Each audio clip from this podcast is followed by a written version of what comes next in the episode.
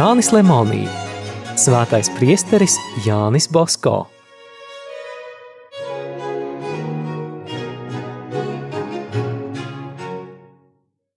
Tagad Jānim atlika vēl viena izeja – mācīties Kastelnovo vidējā mācību iestādē, kas nesen bija atvērta līdzās pamatskolai. Tajā tad arī viņš iestājās tieši pirms Ziemassvētkiem 1830. gadā. Sākumā viņš nāca mājās arī pusdienās, tā dienā nostaigājot ap 20 kilometru. Jānim bija žēl zaudētā laika – Tādēļ viņš nolēma pusdienās vairs mājās neiet. Taču arī bez tā viņam rudenī un ziemā bija ļoti grūti. Bieži negribēdams plēst zābakus, viņš gāja pa laukiem basām kājām. Vēsajos rudens rītos viņš ieradās Kastelnovo drebēdams un asiņainām kājām. Māte jau agrāk gribēja dēlam noīrēt Kastelnovo dzīvokli, bet nespēja. Ziema kļuva arvien saltāka. Mocīt zēnu vēl ilgāk bija tiešām grēks. Ziedojot tam visus savus nelielos ietaupījumus, māte sameklēja Kastelnovo lētāku dzīvokli. Viņa norunāja īri nomaksāt ne naudā, bet labībā vai ar citiem lauksaimniecības produktiem. Mātei palīdzēja arī kaimiņi, jo Jāni visi mīlēja. Reiz tie savāca lielu ziedojumu un piespieda Margaritu pieņemt viņu mazo palīdzību. Sākumā māte Jāni iekārtoja pie drēbnieka Jāņa Roberto, laba katoļa un izcila dziesminieka. Pirmo reizi atstājot dēlu pie svešiem cilvēkiem pilsētiņā, viņa neaizmirsa atkārtot vārdus, kurus parasti sacīja. Mīli vissvētāko jaunavu Mariju. Jānis bija laimīgs savā jaunajā miteklī, jo varēja ne tikai brīvi mācīties, bet ik rītus varēja nolikt savu sirdi baznīcā visvētākā sakramenta priekšā. Arī skolā toreiz vēl audzināja cildenas ticības jūtas. Piemontas karalis Kārlis Fēliks 1822. gadā bija licis mācīt ticības mācību visās skolās, un tikumisko audzināšanu bija uzticējis bīskapu un prāvestu pārziņā. Toreiz arī valdība vēl saprata, ka zināšanas cieši jāsaista ar dievbijību. Latīņu valodu toreiz mācīja visām klasēm kopā. Kaut gan Kastelnovo skolā skolēnu bija daudz, tomēr apdāvinātais un vērīgais skolotājs, priesteris Emanuēls Virāno, centās sniegt plašas valodas zināšanas un kontrolēt skolēnu darbu. Jānis pārsteidza savus skolotājus – Kādu dienu itāļu valodas skolotājs uzdeva rakstīt darbu par svēto rakstu tematu, Eliezars labāk bija ar mieru mirt, nekā ēst gaļu un citus ieļaunot. Jānis uzrakstīja tik skaisti un noteikti, ka skolotāji viens otram dodami lasīt Bosko rakstu darbu, brīnījās un nevarēja noticēt, ka vienkāršam lauku zēnam var būt tik nobriedušas domas un izstrādāts stils. Rūpīgā māte savu dēlu apciemoja katru nedēļu, atnesot to, kas nu viņai bija. Māte neko dēlam nežēloja un priecājās, ka viņš arī skolā mācīdamies nenicina mātes, vienkāršas lauku sievietes pamācības. Dzirdot, ka Jānis slavē kā likumīgu, dievbijīgu un apdāvinātu zēnu, viņa aizmirsa visas bēdas un devās mājās līksma, kā no jauna piedzimusi. Lūk, pat Kastelnovo dekāns kanoniķis Dasāno tūliņ bija ievērojis, kāda ietekme Jānim ir uz vienaudžiem, un lūdza viņu mācīt draudzes bērniem katehismu. Tomēr likumībai vienmēr ir pārbaudījumi. Citi puiši gribēja Jāni pierunāt spēlēt uz naudu. Jānis sacīja, ka viņam naudas nav un viņš arī negribot spēlēt. Liela lieta, zēni sacīja, paņem no saimnieka, tad tev būs. Jānis neģēļiem tā sadeva, ka tie viņam vairs nekad neuzdrīkstējās neacīs rādīties. Par šo Bosko rīcību drīz uzzināja visi skolas biedri. Labākie zēni viņu sāka apciemot un uzaicināja pie sevis. Kamēr Bosko sevi pierādīja, pagāja vairākas nedēļas – Sākumā daži redzēdami noskrandušu lauku zēnu, sāka viņu izsmiet. Tomēr viņa neparastā atmiņa un labā sirds drīz vien mainīja spriedumus. Jānis Bosko bija sevišķi labs pret jaunākajiem skolas biedriem. Tie viņš arvien veltīja uzmanību. Brīvlaikā viņš atgriezies pilsētiņā, atnesa no mājām vīnogas un tās draugiem dalīdams sniedza tiem arī kādu noderīgu pamācību vai novērojumu. Draugi viņa mudināti sāka mīlēt visvētāko jaunavu.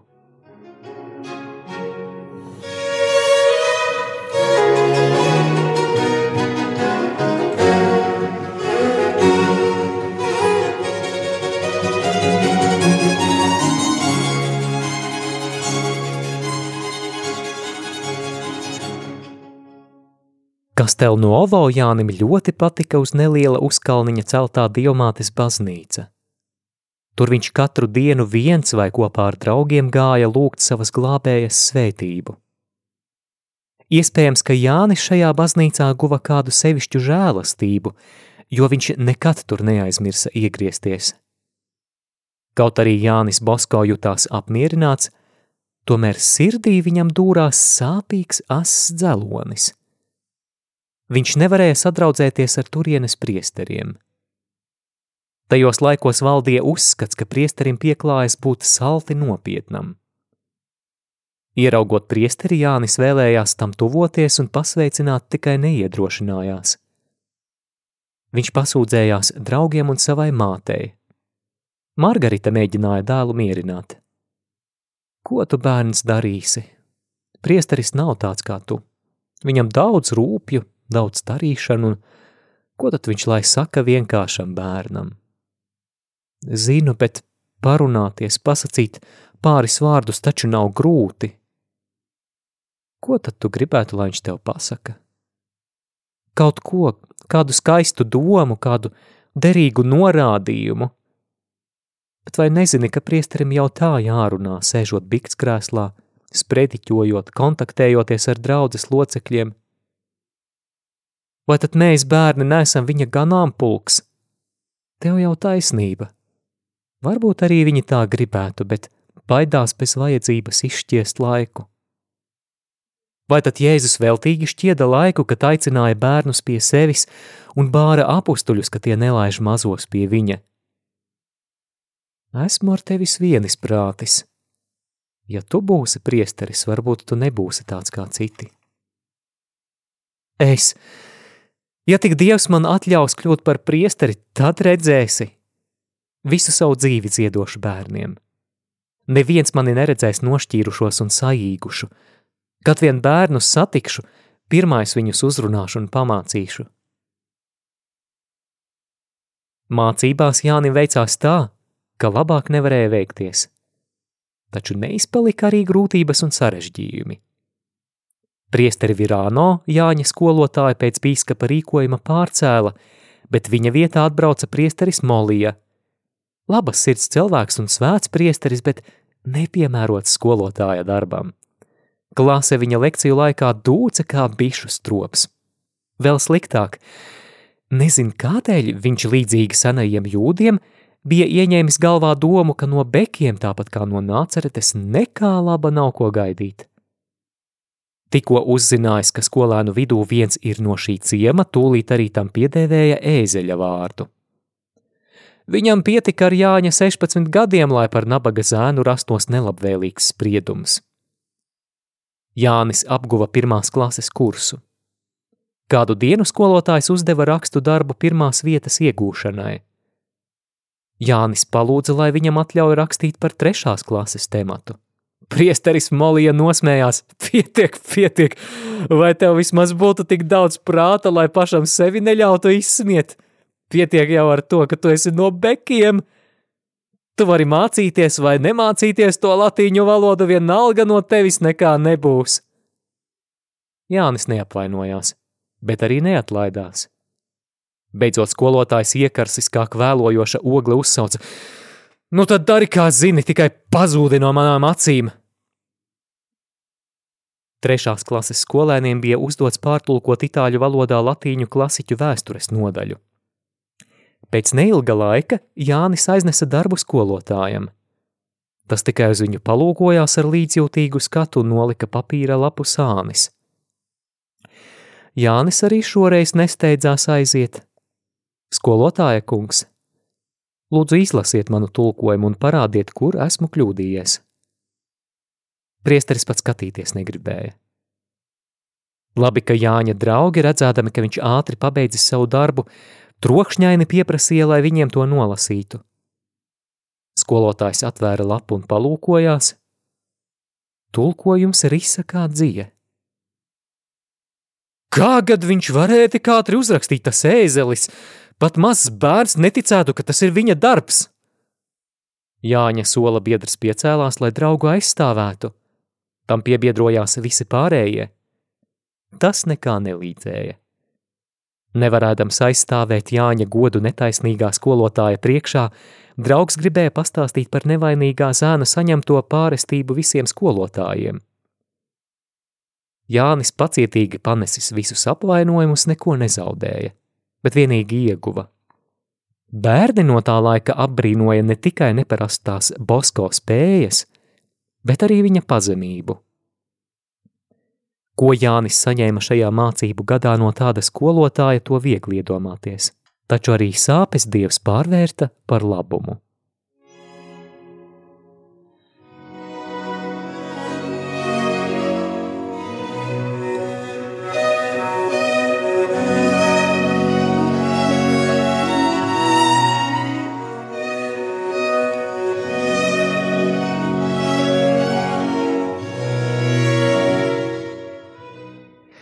Dzīvojot pie drēbnieka Roberto, Jānim radās izdevība vingrināt savu skaisto balsi, dziedot kopā ar savu saimnieku.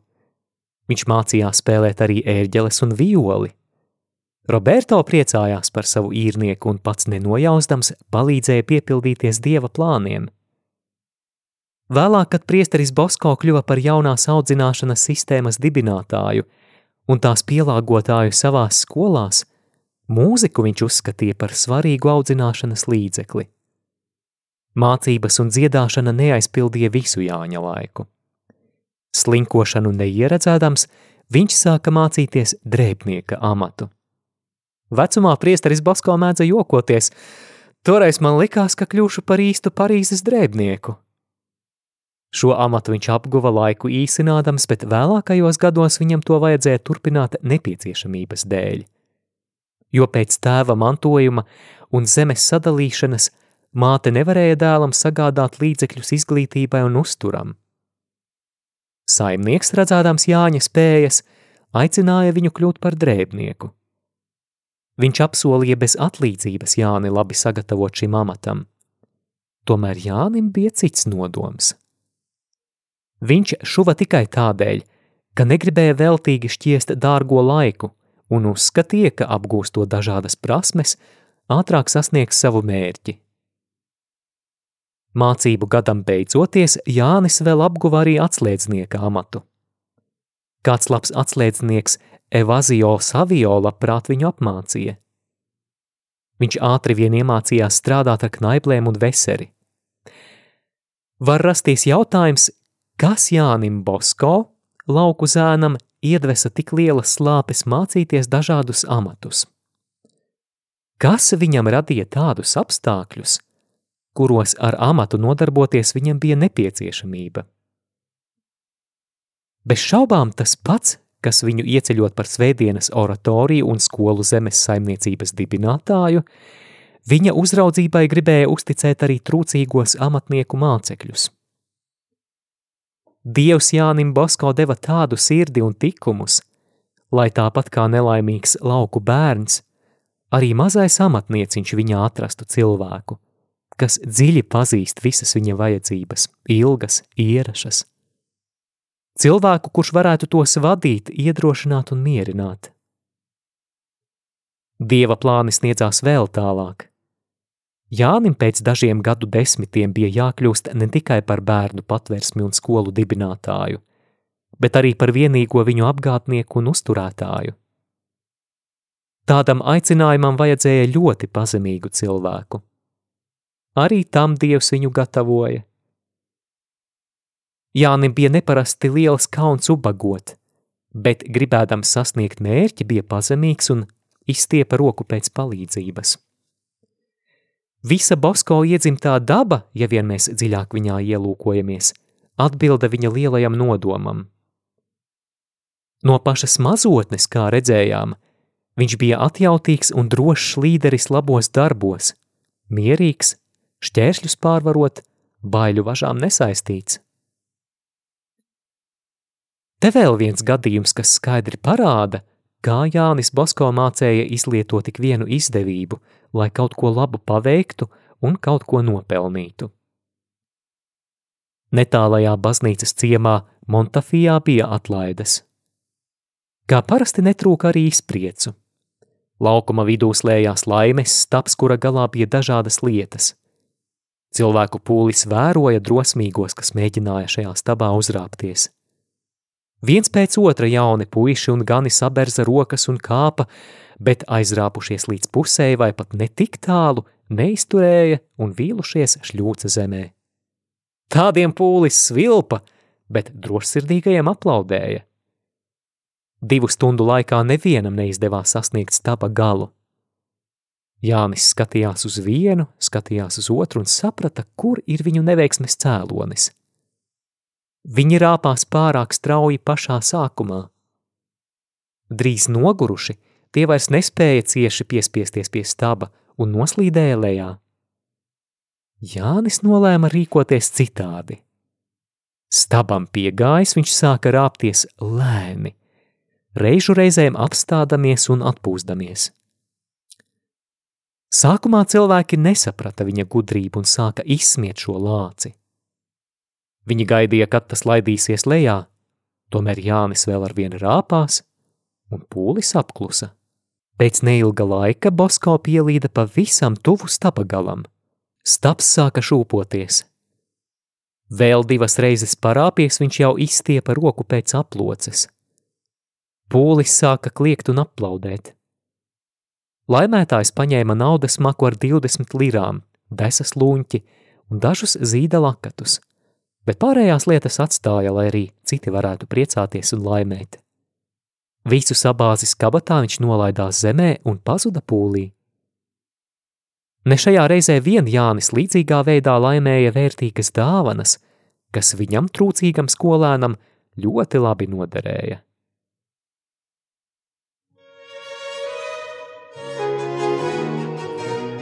Izskanēja lasījums no Jāņa Lemonija grāmatas Svētais priesteris Jānis Bosko.